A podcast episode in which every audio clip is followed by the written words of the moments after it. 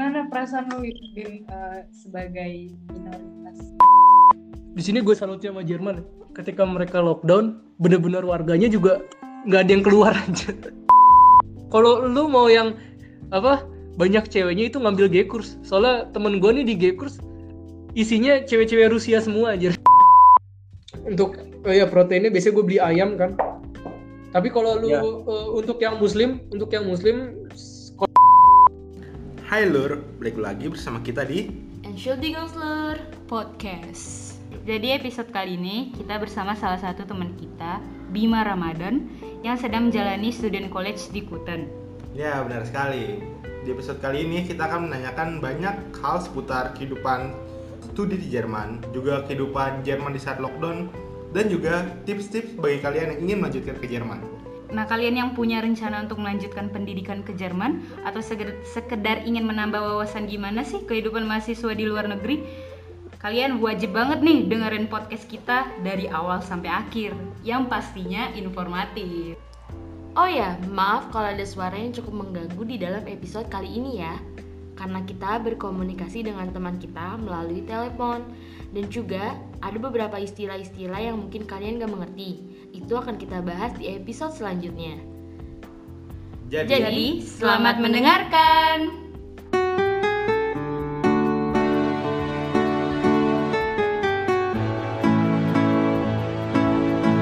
Eh, halo, Eh, Guten Tag aus Deutschland.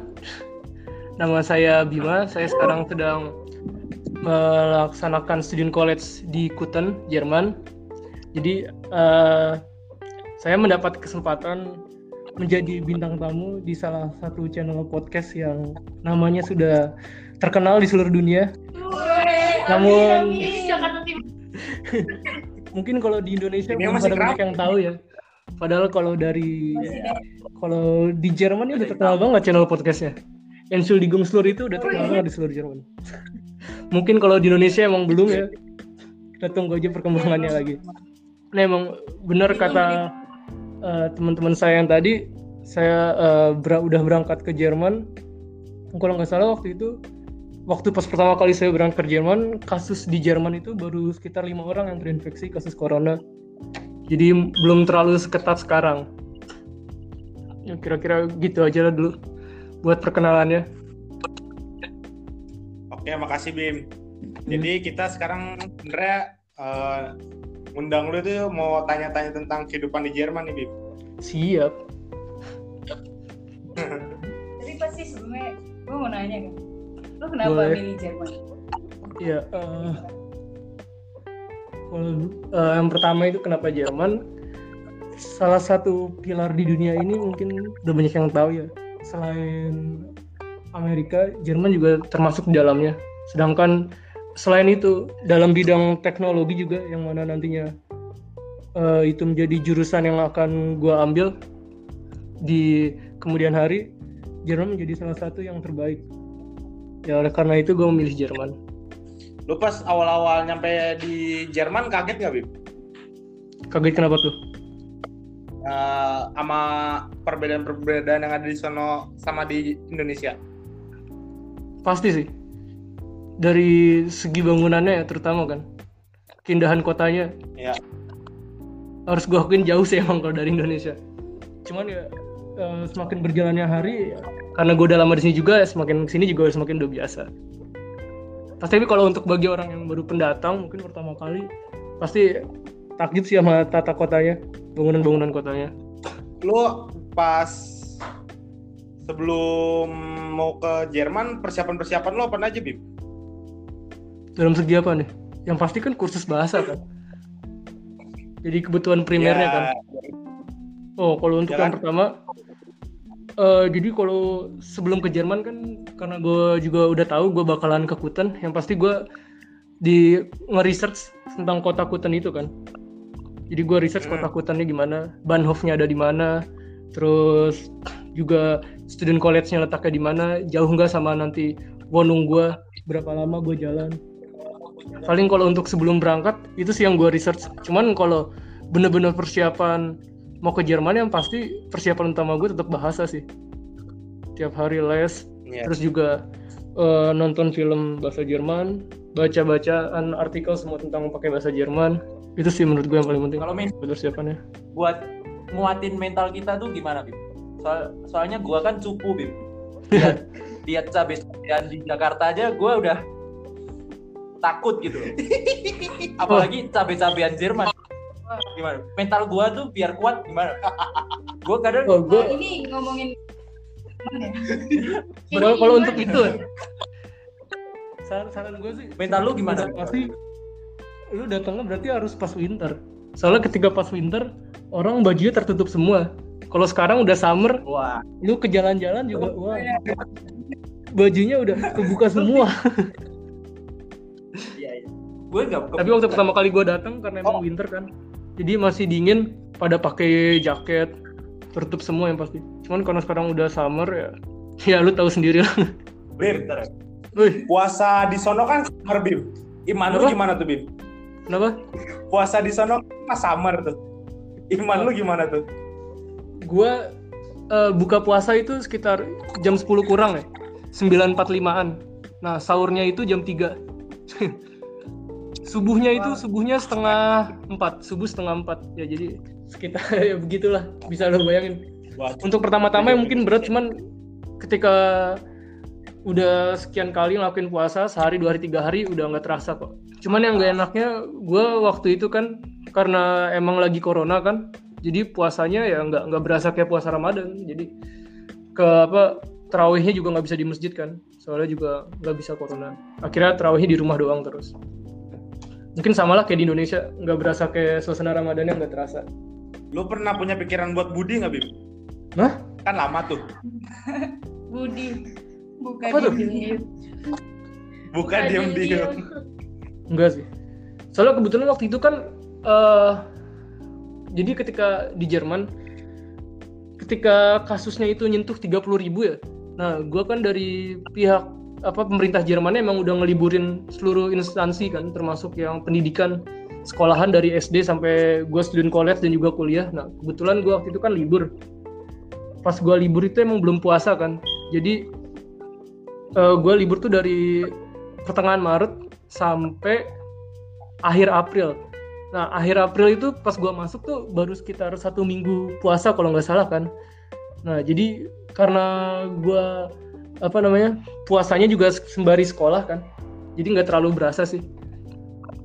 Cuman yang emang agak berat ketika pas masuk. Soalnya gue kan sebelumnya udah ngerasain seminggu eh, puasa, cuman dalam keadaan libur kan, jadi di rumah doang. Maksudnya bisa ngisi waktunya dengan kegiatan yang gak terlalu nguras otak kan kayak nonton film terus main game cuman ketika udah masuk ya agak beratnya mungkin karena ketika pas puasa otak gue juga disuruh untuk bekerja kan. Jadi ya lu agak sedikit Iya. berat sih. cuman kalau lu udah terbiasa nggak terlalu berasa sih. Paling agak kagetnya biasanya jam 6 udah mau nunggu buka kan. Cuman ini harus nunggu tiga jam lagi tiga jam lagi buat buka. Paling itu doang bedanya.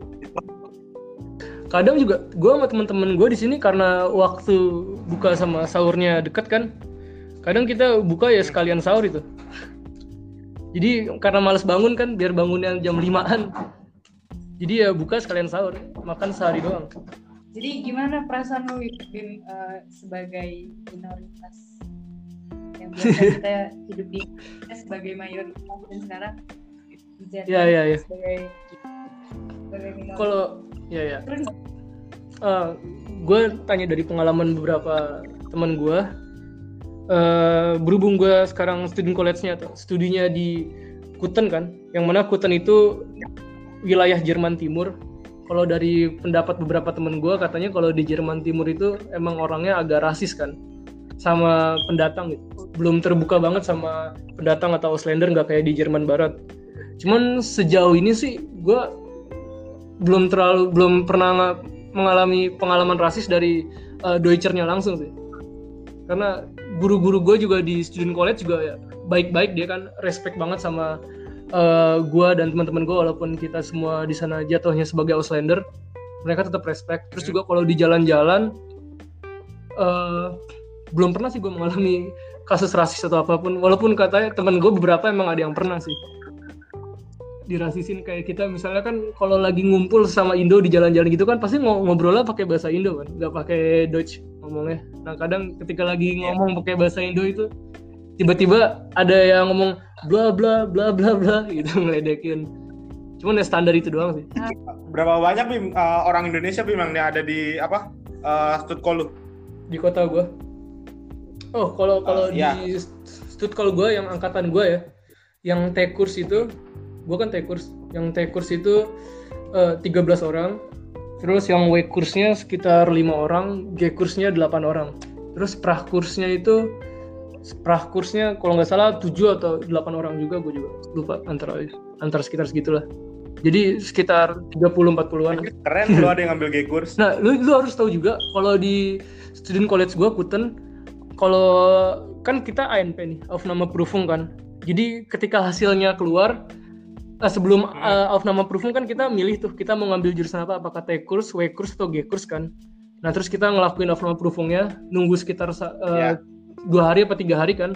Ketika hasilnya keluar di eh, eh, keterangannya itu kalau lu lulus lulus misalnya ngambil sesuai sama yang jurusan lu ada keterangan kan bestanden T-kurs gitu kan nah cuman ada beberapa juga misalnya kan kalau kayak gue di T-kurs itu kan uh, Aufnahmeprüfungnya itu Deutsch sama mata kan ketika ada yang Deutschnya bagus banget sedangkan matanya jatuh Ya. banget nah itu di apa namanya di rekomend sama pihak student college-nya untuk ngambil G-kurs jadi nggak bisa untuk ngambil T-kurs sedangkan kalau ada yang ya kenapa Lo itu jatuhnya jatuhnya ada keringanan dari Walaupun lu lulus itu sendiri dong. misalnya tapi Deutsch lu bagus kita Nah, itu lu masih tetap Ah, ah. boleh ngikutin apa namanya student college di student college gua di Kuten, cuman dari rekomendasi yang mereka kasih.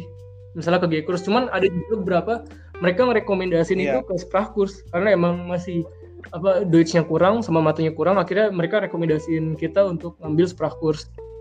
Nah, ketika udah di Sprachkurs, kalau misalnya kita udah lulus, kita nggak bisa milih untuk ke W kurs atau T kurs. Jadi kalau udah di Sprachkurs itu pasti lanjutnya kita langsung ke G kurs. Nggak bisa. kalau G-Kurs yang gua dapat dari Hmm. Aka ya guru kita itu eh, katanya buat kalau di Indonesia misalnya Iya. kayak sejarah itu jatuhnya Iya ke jatuhnya G, Gustav. ke G kurs. bukan sosial Jadi di di G kurs itu eh, pelajarannya setahu gue ya ada Geschichte, terus English, Deutsch, sama sebentar. Oh informatik juga tetap ada di G kurs. Informatik tetap ada, cuman dari pengal- cerita temen gue informatiknya itu semester 1 semester 2 tetap belajarnya masih office sedangkan bedanya sama informatik T kurs kalau kita semester 1 belajar office semester 2 nya nanti bakalan belajar Programmierungssprache nah Programmierungssprache-nya itu C++ bedanya itu sih. Sama satu lagi ada eh, mata pelajaran di G kurs gue lupa apa sebentar. Gue inget-inget ini katanya mata pelajarannya yang paling susah sih. Eh, cuman na- namanya gue lupa apa nanti sering lu tanya yang lain dulu gue sembari inget-inget deh kalau buat lo yang di T-Kurs yang paling susah apa Eh, Bim? tergantung sih ya kalau eh, yang jelas kalau lu di T-Kurs kan lu nggak bisa kalau misalnya ini gue jujur-jujur aja ya.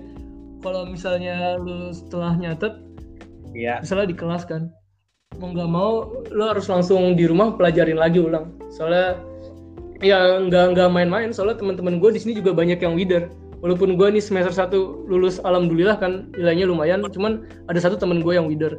Terus beberapa yang semester 2 juga eh, banyak yang leader. Jadi sebenarnya di student college itu nggak bisa kita bilang kalau di sini mudah juga. Karena lumayan menantang juga sih di student college itu. Jadi kalau lu tanya mana yang susah, tergantung sih karena gue emang jurusan teknis gue emang suka kan ya mata pelajarannya ya. Jadi gue nggak nganggap itu susah. Selama yang penting gue pelajarin aja. Jadi saran gue ya lu juga harus ngambil yang eh, sesuai sama apa yang lu suka. Sesusah apa pun itu kan nanti lu juga bakalan tergerak untuk mempelajarinya. Jadi di kesusahan itu juga lu bakalan anggap sebagai tantangannya Ya. kan. Kalau gue sih anggapnya gitu. Semakin itu susah, semakin seru bagi gue kan. Oh, Kak Bima kan waktu Kak Bima eh, pertama eh bukan pertama kali kayak nyampe di sana. Terus eh, langsung tuh call. Itu ada kayak kendala atau merasa ada perbedaan gitu nggak? Bahasa yang Kak Bima selama ini pelajari di tempat les Iya. sama di sana apa yang jelas kalau apa untuk sama aja? face to face sama Deutschernya ya yang paling berasa itu sih eh, hornnya jadi ketika kita horn ngedengar suara dari komputer sama suara native-nya langsung itu bener-bener beda jauh sih. Jadi tapi tapi seiring eh, apa namanya lu lama di sini seiring lu di kelas kan juga guru lu pakai Deutscher pakai Deutsch terus kan? Guru lu pakai Deutsch terus nanti juga lama-lama juga makin keasah buat supaya jadi kita paham apa yang mereka ucapin. Paling pertama kendalanya itu sih. Iya pronunciation. Oh gitu. Pronunciation kemungkinan udah kita- beda. apa Pendengaran yang kita uh, mereka ucapin sama apa yang biasa. Kalau kita kan latihan hornnya kan dari apa suara yang keluar dari komputer kan. Nah itu itu beda sih. Itu itu beda. Lu sempat ngerasa kesulitan dong, Bim, pas awal-awal eh, lu ngedenger apa yang mereka ucapkan. ya jadi untuk apa detailnya apa yang mereka ucapin tuh gue kurang ngerti. Cuman secara garis besarnya gue paham apa yang mereka ucapin. Kira-kira begitulah. Eh, selama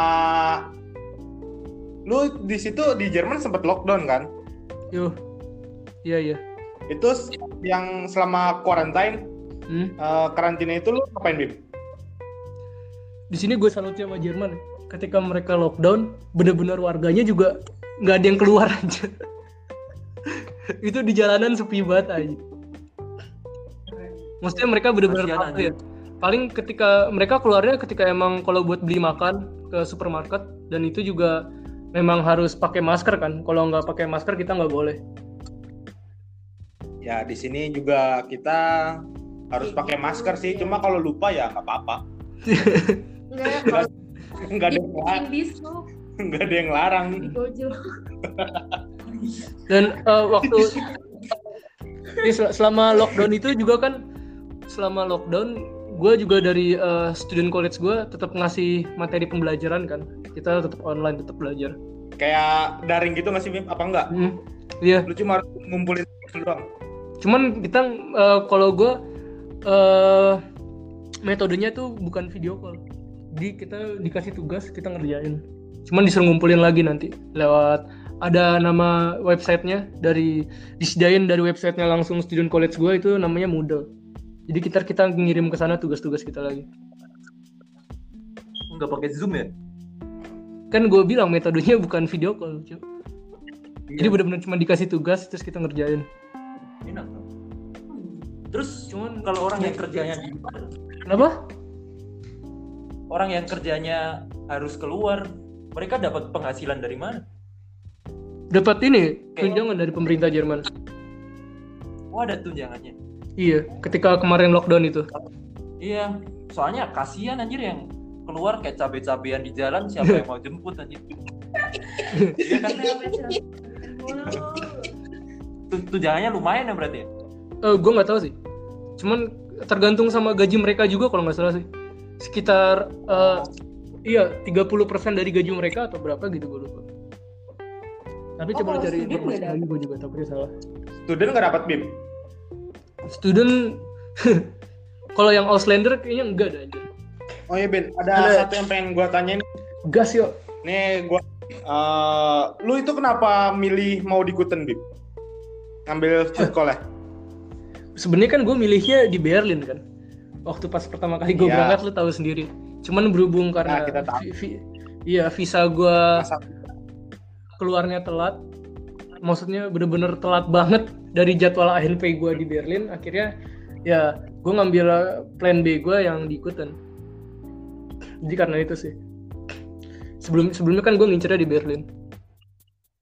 Eh, enggak maksud gue lebih kayak lu kan sebenarnya ada buat di Leipzig juga katanya lu dapat juga kan? Yang mana tuh? Eh, yang apa Dresden ada juga. Itu yang di Dresden. Itu yang Dresden kan yang harusnya gue Agustus berangkat. Gue pakai Enladung itu yang Hmm. waktu harusnya kalau waktu Agustus tahun lalu gue berangkat itu harusnya gue pakai Enladung yang uh, Dresden. Cuman kan karena visanya belum jadi juga di kedutaan kan nunggu lama. Iya. nah untuk apa namanya akhirnya gue nggak mau ngambil yang Dresden lagi kan soalnya kan kebetulan gue kan juga dapat B2 waktu itu ya jadi gue ngambil yang Berlin. Cuman gue daftar Berlin di Uniasis. Eh, nggak ada nggak datang datang kan apa namanya Ain Ladungnya nggak nyampe-nyampe. Dan Iya. eh, pas gue lihat juga tanggal 31 Desember tuh kan gue inget banget gue baru dapat kabar dari kedutaan suruh ngambil visanya dan setelah gue ambil kan ternyata visanya baru aktif tanggal 5 Februari kan jadi Hmm. eh, berhubung waktu itu Berlin ANP-nya of nama Prüfungnya itu 18 Januari ya gue mikir udah nggak bakalan sempat kan ke Berlin soalnya visa gue baru aktifnya 5 Februari akhirnya ya gue ngambilnya ya yang Kutan Itu kutan yang terakhir ya? Uh, Hmm? Buat ANP itu. ya gue cuma ngambil dua gue dua jadi cuma Berlin sama Kutan kan. Nah ketika Berlin udah nggak sempet akhirnya gue cuma satu. Karena pas sampai sini orang-orang Indo yang di sini pada kaget kan. Gue ngambil ternyata cuma satu ANP doang. Maksudnya bener-bener beresiko banget kan. Ketika kalau sampai gue nggak lulus gue nggak ada kesempatan lagi buat ujian of nama Prüfung nah untungnya alhamdulillah waktu itu pertama kali gue of nama Prüfung langsung lulus kan. Ya udah ya udah. Alhamdulillah banget deh yang itu tuh. maksudnya bener-bener beresiko ya. Kalau kayak gua kasusnya kan lu maksudnya ke Jerman buat Aufnahmeprüfung tapi cuman cuman satu kan Aufnahmeprüfung ya ketika lu di situ nggak lulus ya, Ya. udah mau ngapain lagi lu paling satu-satunya eh, opsi lu antara lu ngambil FSJ Freiwillige Sozialjahr selama satu tahun atau enggak ya ngambil Sprachkurs Itu jadi opsi lu kalau itu. Kalau misalnya pas di lu nggak lulus. iya lulus Ausbildung juga bisa kan? Ausbildung sayangnya pendaftarannya pada tutup kan Oh. Lu cari temen di sana gampang nggak, Bib? apa nih? Cowok cewek? Sekarang lah, yang penting temen. gue di kelas banyak orang Maroko anjir. Cowok lu percaya nggak gue di kelas? Oh, temen lu kan ngambil tekurs ya. Ngambil tekurs itu Mm. di kelas ceweknya cuma empat anjir ngambil gue di tekurs di kelas gue cewek cuma empat. Cowoknya ada sekitar empat belas cowoknya empat belas. 14 itu di tech course. iya di kelas gue di kelas gue Hmm. kelas lain gimana? Kelas lain? Yang Ya, banyak kelas lain ya gitu. apa, kebanyakan yang mendominasi tetap cowoknya. Kalau lu mau yang apa banyak ceweknya itu ngambil G-kurs. Soalnya temen gue nih di G-kurs isinya cewek-cewek Rusia semua aja dia kalau kata dia tiap hari cuci mata apalagi pas terakhir-terakhir pas pas udah masuk summer kan pas udah masuk summer itu Iya. bajunya udah mulai nggak terkontrol aja Iman tidak kuat. Membuat imanku bergetar.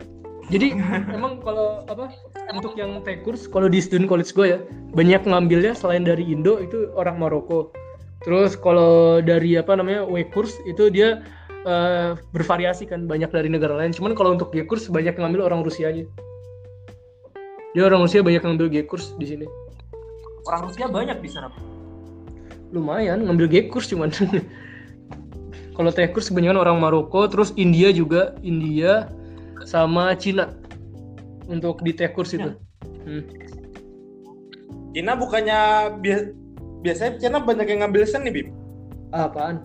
Dia T-kurs malah. Dia dia paling nggak berani ngambil G-kurs aja soalnya di kelas gua aja orang Cina juga Deutsch-nya itu benar-benar masih kurang banget aja di kelasnya Iya, soalnya Hmm. orang Cina ngomong Inggris aja susah, apalagi Jerman. ya dia dia kesulitan dari bahasa awalnya dia dari Muttersprachnya kan mungkin di Cina itu ada yang beda apa gue juga nggak ngerti. Jadi untuk pronunciation mereka ke Deutsch juga susah ya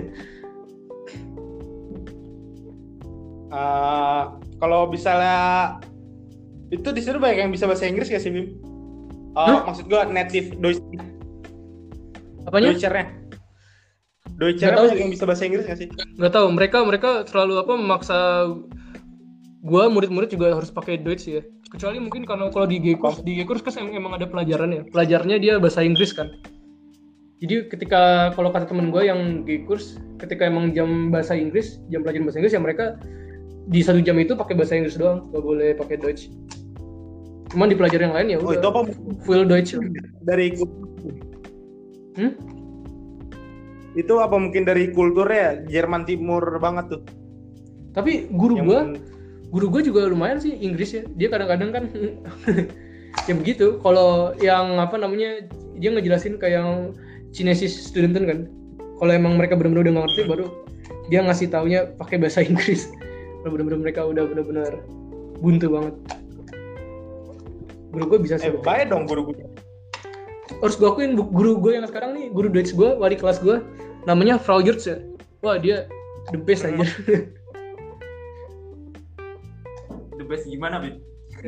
tapi lu lu jangan samain eh Deutsch yang lu pelajarin sekarang di kurs sekarang nih lu di eh, kursus lu Deutsch yang lu pelajarin di kursus sama nanti di student college itu benar-benar beda jauh aja Misalnya kalau bicara persentasenya Deutsch yang lu pelajarin di kurs ini sekarang itu kayaknya sekitar 20% aja nah di gue misalnya bener-bener pas masuk student college itu untuk Deutsch bener-bener belajar lagi banget ya soalnya kalau gue nggak belajar banget bakalan ketinggalan banget. Jadi bener-bener banyak yang belum dipelajarin ketika di kurs jadi persiapan aja Bim, kalau menurut gue sih Lo mungkin bisa bagiin tips lu Bim nih kan eh, Aan, Anggi sama Dina kan pengen ngambil B1 nih. Eh B1, B2 nih. hmm? Mungkin lu bisa ngasih tips-tipsnya gitu. ya mungkin dari yang pertama gue bilang tadi kan semuanya eh, alles auf Deutsch kalau kalau gue bilang jadi ketika lo nonton film audionya bahasa Jerman subtitle bahasa Jerman. Ketika lu udah harus mulai dari sekarang nyari-nyari lagu Jerman. Dan spoiler dari gue lagu-lagu Jerman itu nggak buruk-buruk banget sih. Maksudnya banyak yang enak juga lagu-lagu Jerman. Kalau mau nanti bisa gue kasih playlist gue yang lagu Jerman. Terus juga mulai eh, baca-baca artikel bahasa Jerman. Gue ada beberapa juga eh, website. Maksudnya yang ngeluarin artikel-artikel bahasa Jerman. Kalau mau juga nanti bisa gue kasih website-websitenya apa aja. Paling itu aja sih. Sama eh, mulai kalau biasa gue nggak tahu sih orang lain. Kalau gue kan kadang juga suka apa ngomong ke diri sendiri kan. Maksudnya buat ngelakuin apa maksudnya gue setelah ini mau ngelakuin apa nih. Nah itu ketika di pikiran lu lu coba juga buat ngetranslatein apa yang bakal lu lakuin nanti pakai bahasa Jerman. Kalau gue bisa sih gitu sih kalau Ya, kalau kalau gue cuma kalau gua suka kayak gitu Bim, cuma terkadang buat gua ngomong keluarnya susah anjir Bim. Itu gimana Bim? kalau itu sih Lupa anjir. ya lu emang harus sering-sering eh, ngobrol juga sih sama sama apa namanya guru lu sekarang kalau nggak lu kayak waktu itu gue tanyaan tuh waktu gue apa eh gue kan di di waktu pas hari-hari terakhir kursus gue sempat buka Ome TV tuh Ome TV cuman ya lokasinya gue ganti Jerman kan. Gue nyari apa namanya Deutscher supaya bisa ngomong pakai bahasa Jerman. Supaya bisa lanjut pakai bahasa Jerman. Ya mungkin kayak gitu juga lu bisa ikutin kalau mau. Selain itu juga apa ngembangin eh sprechen lu dia juga eh, kegiatan kayak itu kalau menurut gue juga bakalan bisa ngembangin mental lu kan. Selalu bener-bener ngobrol langsung gitu kan. Walaupun nggak eh, secara direct face to face. Cuman lu kan namanya video call kan di Ome TV itu bener-bener ngeliat langsung orang Jerman ya kan. Itu ngelatih mental lu sih kalau menurut gue. Ya Kalau bedanya B2 sama B1 di ujiannya gimana Bim? bedanya di eh, bagian sprayernya sih. Untuk B2 itu ketika uh, tracknya kita lebih harus ngomong ada detailnya sih gue lupa detailnya apa. Yang jelas beda ketika kita tracknya dari B1 sama B2 Lebih bebas gitu Bim.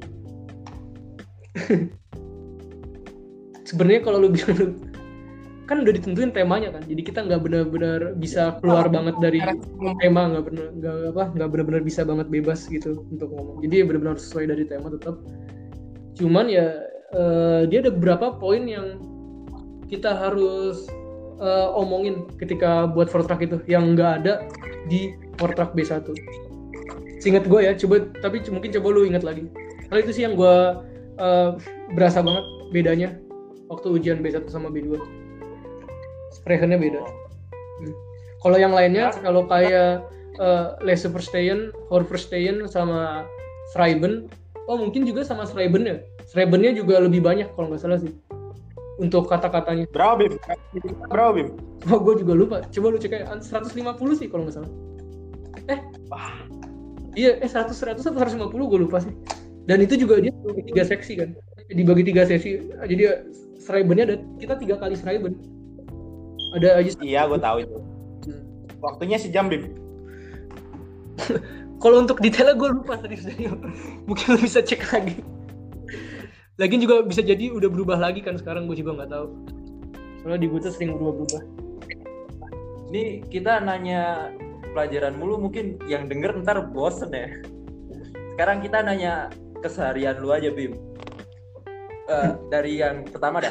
Lu tadi sholat id di mana Bim? tadi atau kemarin ya soalnya kan Ya, bareng kemarin. tadi kita bareng kan Kemarin sekarang ya? Lupa. Jadi tadi hari Jumat tadi Kagak. Maksudnya kan di sini Sabtu di sana hari Jumat ngapain? Gimana Bim? ya eh, berhubung gue diikutin kan eh, apa namanya panitia masjid sini nggak ngadain sholat id kan jadi mau nggak mau gue kemarin sholat id harus ke kota seberang kota se- eh, sebelah gue itu di Halle namanya nama kotanya Halle nah di situ ada stadion di sana ngadain sholat id kan. Jadi gue eh, sholat idnya di sana di satu stadion gitu. Rame sih banyak juga Stadion yang apa? namanya FC apa gitu gue lupa. Klub bola asal Halle sih. Cuman belum main Bagus di ya? Bundesliga dia. Stadionnya sih lumayan bagus. Rumputnya bagus ya kalau menurut gua. Walaupun stadionnya masih standar lah. Cuman bagus lah. Lu habis habis Idul Adha sepak bola kagak? Pengen ya cuman sayangnya kata panitianya kan setelah selesai itu kan karena ada uh, Halten maksudnya social distancing. Jadi langsung disuruh uh, pulang soalnya lapangannya itu juga mau diberesin kan mau dipakai buat latihan katanya. Jadi ya nggak sempet nyobain Main lapangannya an Bim. Itu lumayan rame, Bim. pas kapan? Pas sholat idnya? Ah, sholat id itu. Amir rame banget sih banyak orang Arab sih. Cuman khutbahnya pakai bahasa Jerman khutbahnya Ah. Oh iya, khutbah hari Jumat itu ada radionya nggak, Bim? nggak ada. Ya jadi khutbahnya kalau hari Jumat kalau sebelum corona ya sebelum corona itu khutbahnya dibagi jadi dua. Jadi ada yang eh, sebelum sholat Jumatnya itu bahasa Arab setelah sholat Jumatnya bahasa Jerman cuman kan sekarang setelah corona karena masjidnya juga kapasitasnya nggak terlalu gede kan dibagi jadi dua kloter kan jadi yang pertama untuk yang kloter pertama itu yang bahasa Arab yang kloter kedua sholat Jumat kloter kedua itu yang bahasa Jerman Sekarang ini Bim, makanan pokok Bim. Lu di sana makan apa Bim? Hmm. Berhubung gue nggak makan nasi kan. Kalau teman-teman gue di sini yang makan nasi, mereka biasanya beli eh, rice boitel. Rice boitel itu kayak gimana ya gue ngejelasinnya ya. Jadi eh, ada nasi satu kantong gitu. Nah dari kantongnya itu bisa langsung sekalian direbus. Jadi kan kalau di sini kan banyak student yang belum punya eh, rice cooker kan. Cara ngakalinnya gitu dia beli yang langsung rice boitel. Jadi bisa langsung direbus sama apa namanya plastiknya itu direbus nggak apa-apa. Cuman kalau ada yang nasi. punya rice cooker ya mereka beli yang langsung kayak karung gitu. Oh. Hmm. Itu kalau Lalu yang makan apa? Nah, kalau gua berhubung gua nggak makan nasi kan, ya gua di sini malah kalau gue bilang cocok sih. Soalnya ya gue belinya untuk makanan pokok yang pasti gue tuh selalu sedia roti sama pasta kan. Roti, pasta sama kentang gue paling. Roti, pasta, kentang sama gue beli biasanya beli saus sausan tuh. Eh, bolognese, terus yang mayonnaise, terus ada knobloch saus itu. Kalau eh, di Indonesia kayaknya nggak ada sih knobloch saus gue juga nggak tahu. Knobloch saus itu jadi benar-benar saus bawang lah kalau bahasa Indonesianya kan. Knobloch itu kan bawang. Terus untuk dagingnya dagingnya bi- biasanya untuk oh ya proteinnya biasanya gue beli ayam kan tapi kalau lu Ya. eh, untuk yang muslim untuk yang muslim kalau mau beli daging saran gue sih hati-hati ya soalnya di sini juga banyak yang digemis gitu. Jadi gemis itu maksudnya dagingnya dicampur. Dicampur sama singken sama daging babi terus dicampur daging sapi ada gitu yang gitu-gitu dicampur. Jadi eh, lihat catatannya dulu sih lihat apa maksudnya eh, ingredientnya. Lihat ingredientnya dulu ketika mau beli daging.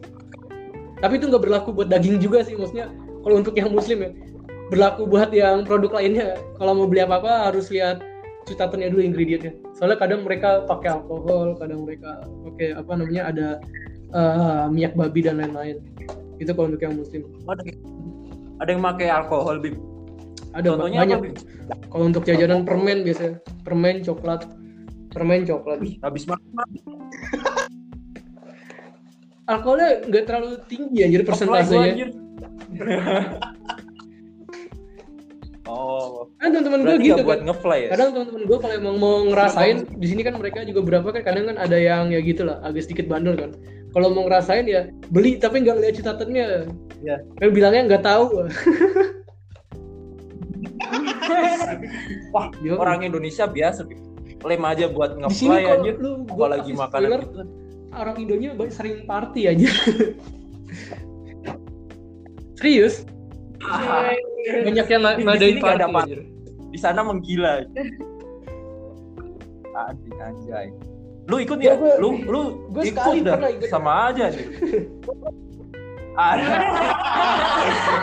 ya gimana gimana gimana ya tergantung sih kan partinya juga party kecil-kecilan lu ke rumah temen lu siapa nih misalnya terus lu di situ paling ya nonton film dengerin lagu sama paling kalau misalnya itu sembari belajar. Ba- bau Ya Bawa yang ada yang bawa alkohol, biasanya kalau tergantung kalau partinya sama orang Auslander lain terutama orang Rusis orang Rusia orang Ruslan wah itu.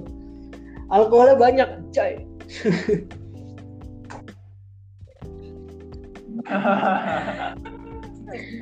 tapi di sini ada juga. Temen lu banyak yang ngedeket Temen lu itu banyak yang ngedeketin orang-orang Rusia di banyak tuh enggak sih maksudnya ya se- sebatas teman doang sih Di friendzone berarti ya. Aduh. Kasihan. Padahal berharap lebih aja. Orang ini gitu anjir. Kenyangnya makan janji palsu gitu ah. Nggak usah Wah, pakai kayak nasi lu apa cocok banget ngambil roti gay kursan aja. Mereka kenyangnya lu cocok banget jadi jadi lu kan wah lu iman kan gue lu lu parah. Kalau enggak itu buat para lu lu an, Gimana? lu di gay kurs jadi fuckboy anjir ada ada. oh ntar gua itu aja. I wanna be a fuckboy di udah dia aja. itu sih langsung tercapai an kalau kata gue sih kalau lu yang ngelakuin Nah. Kagak tahu. ah Bim. Nih, FYI ya. Gue didaftarin sama Aka itu di apa? Di live itu G-Kurs loh. ya tapi yuk kalau lu soalnya kalau lu mau ngambil hubungan internasional itu harus G kurs sih jadi bukan di W kurs kan kalau di Indonesia hubungan internasional kan jurusan sosial kan cuman kalau di Jerman itu kalau mau ngambil hubungan internasional HI ngambilnya ke G kurs Lu emang mau buat mau ambil apa ya? Jatuhnya gue kan W-Kurs lagi jadi ber- berapa emang yang jurusan Yang sosial? Enggak. di apa eh, Indonesia itu ada yang di G kurs kayak eh, contohnya kalau kayak kayak gue di IPA kan. Kalau gue di, di Indonesia dari IPA bisa langsung ngambil kedokteran kan. Cuman kalau di Jerman dia kedokteran beda jurusan sendiri kan. M kurs medicine medicine kurs sedangkan kalau kayak yang lain kalau mau jadi engineer itu ngambilnya yang tech kurs teknik kurs bedanya itu sih kalau kayak di Indonesia kita IPA udah benar-benar bisa masuk ke seluruh jurusan IPA kan? Sama kayak di sosial juga masuk jurusan yang berbau sosial. Cuman kalau di sini di Jerman dipecah lagi kan jadi empat setahu gue sih emang kalau untuk kursnya di student college cuma itu aja sih. G kurs terus eh, W kurs T kurs sama M kurs. Nah kalau di student kenapa? Wih, buat gua gak ada, Bim. lu mau apa? Buat gua fuckboy. Kurs. M kurs. Yo. Nih dari Dina Anggi ke Jana nanya. Udah kan Tuh anjir dikit banget. Ayo Dim. Ini pada malu-malu Bim gara-gara jarang ngomong sama lu Bim.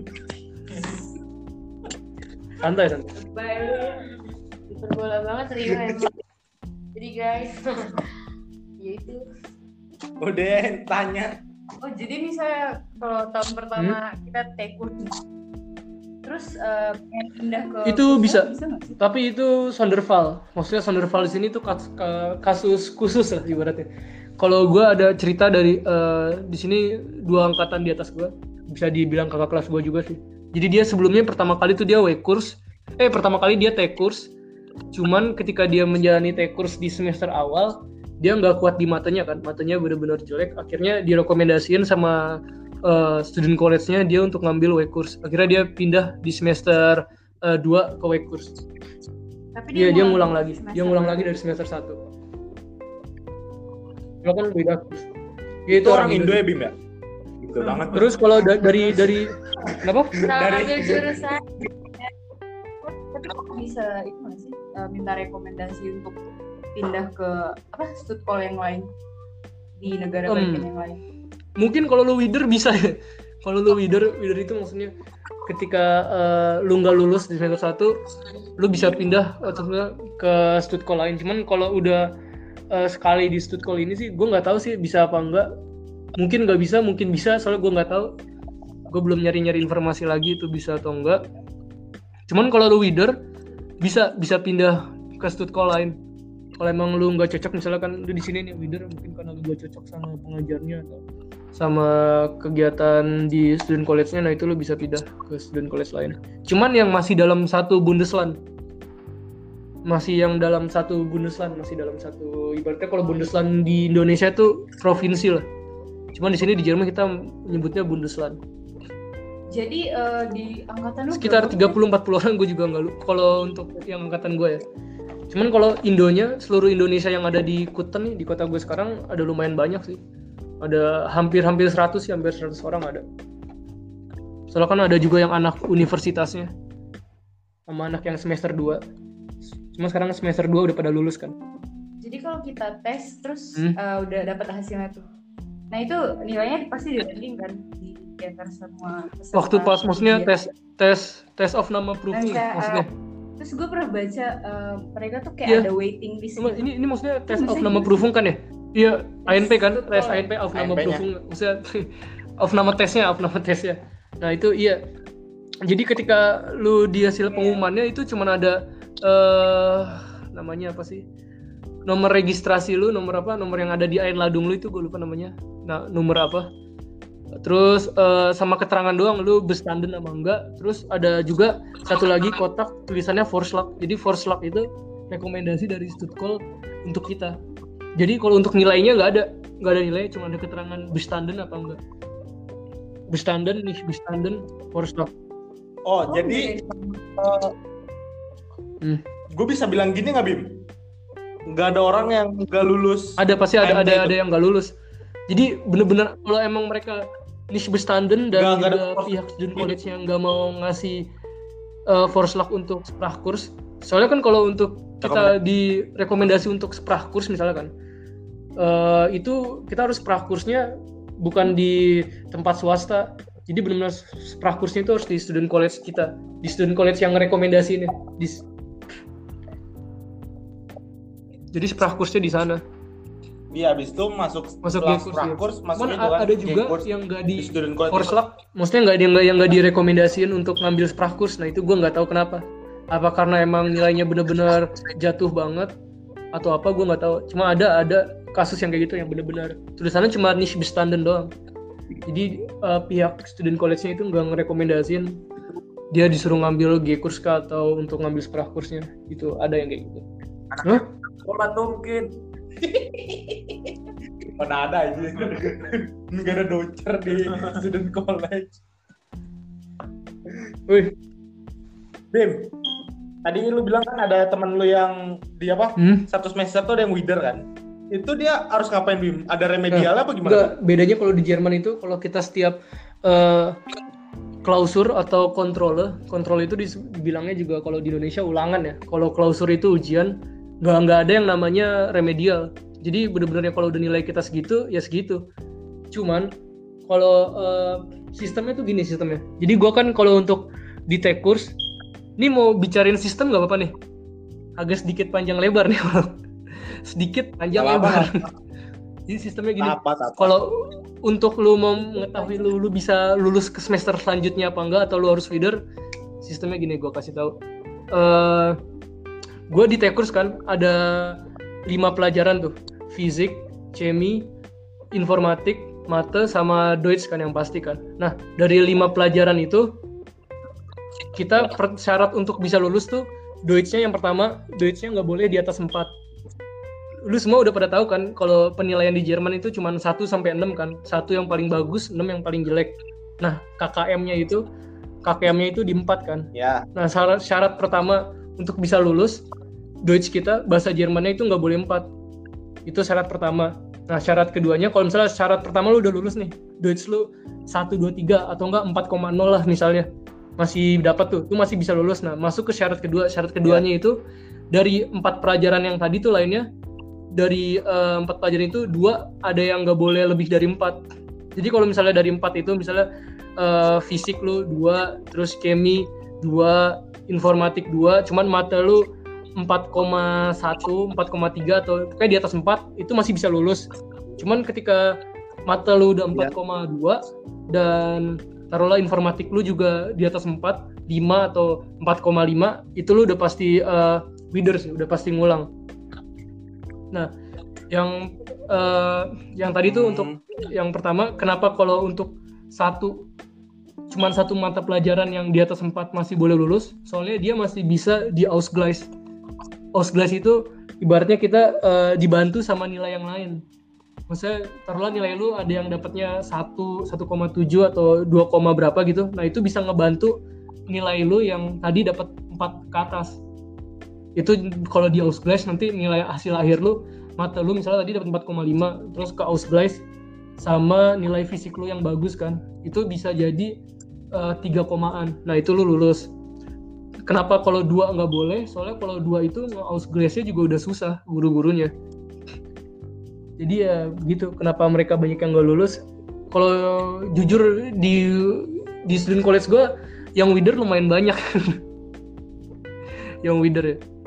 Semester 1 ataupun semester 2 dan lu juga sy- sy- syarat lu wider itu gitu. Sy- syarat lu wider itu cuman boleh dua kali. Jadi ketika lu udah dua kali wider di semester yang sama lu lalu harus eksmat harus eksmatrikulasi keluar dari maksudnya keluar dari STK itu dan juga harus keluar dari setahu gue sih harus keluar dari Bundesland itu ya. Jadi lu harus nyari student college di Bundesland. Bundesland lain aja dan itu juga kalau Bundesland lain mau nerima. Jadi ya saran gue kalau udah STK ya serius-serius belajarnya soalnya juga gue gue tadinya awalnya nggak terlalu lumayan sih. ngeremehin student college kan. Gue pikir student college paling nggak terlalu berat lah. Maksudnya mahbar bisa gue lakuin sambil nyantai-nyantai kan. Ternyata itu sebenarnya enggak anjir. Jadi ya benar-benar lumayan menantang lah. Soalnya gue mikirnya ketika di student college sudah kayak begini gimana ntar di uni kan? Itu sih motivasi gue buat belajar. Jadi ntar ntar lu juga pada ngerasain sih kalau emang lu pada mau ngambil student college kan. Ngerasain yang bakalan menge- apa, meningkatkan motivasi belajar lu. Hmm. Gue aja nih sekarang lagi libur karena kemarin gue belum dapat izin kerja kan, gue ngambil beli kursus gue, beli kursus di Udemy. Jadi sembari ngisi liburan gue, sembari juga eh, belajar kan. Cuman berhubung gue sekarang udah dapat uh, Arbeitserlaubnis kan, dan gue udah bisa kerja, gue mau ngisi waktu liburan gue yang sebentar lagi selesai, mau nyoba-nyoba buat kerja gue. abis lu dari Kutan, Wah. lu mau ke mana Bim? pilihannya ada banyak sih gue sebenarnya. Cuman yang jadi prioritas gue ya yang pertama sih gue mau ngambil eh, kalau di sini tuh ada namanya kalau lo tahu eh, dual studium. Pernah denger nggak dual studium? Pernah baca baca nggak? Ah ya, ba- pernah cerita sama kita. jadi ya dual studium itu kan kita eh, kerja sama sama perusahaan. Jadi ibaratnya perusahaan itu ngebiayain gue untuk eh, studi kan di uni nah gue udah sempat baca-baca. Gue mau ngambil Ya. eh, kerja sama sama Volkswagen sih. Di universitasnya di Wolfsburg. Itu plan A gue terus plan B gue gue mau ngambil salah satu Hmm. antara di Berlin atau enggak di Aachen. Cuman yang pertama tetap gue dual studium. Soalnya menurut gue itu lebih lebih menguntungkan sih ya. Sedang ketika kita belajar di uni per bulan juga kita Iya, iya. dapat eh, Gehalt kan dari firma yang eh, nge-support kita. Cuman ya gitu kualifikasinya eh, nilai fisik sama matanya yang gue lihat sih harus bagus ya gute Kenisse in Physik und Mathe dan juga eh, English Kenisse juga. Hmm, kenapa? Itu bedanya Bim? beda. Bedanya sama Ausbildung. beda. Soalnya ketika Ausbildung kan ketika lulus kita dapat gelarnya itu Fachkraft ya tenaga ahli. Cuman kalau dual studium itu ketika lulus kita dapat dua gelar. Satu gelar sarjana Bachelor of kalau gue kan mau ngambilnya ntar elektroteknik atau enggak mekatronik kan berarti gue Bachelor of Engineering BEng sama gelar yang kedua itu satu lagi Fakraf jadi dapat dua gelar satu tenaga ahli satu salah satu lagi sarjana ketika lulus Ya udah Bim, itu aja Bim. Semoga lu sukses Siap. terus ya. yakin nih nggak ada yang mau ditanya lagi Kayaknya. Aslinya banyak Bim, tapi nggak keluar gitu di kepala. banyak banget ntar, ntar waktu mau tidur, oh iya gue mau nanya ini. ntar mungkin ada episode kita Iya. tanya-tanya lagi. Ya Bim, makasih ya Bim, Yo. masih banyak. Sukses Siap. terus. Yo, Bye. assalamualaikum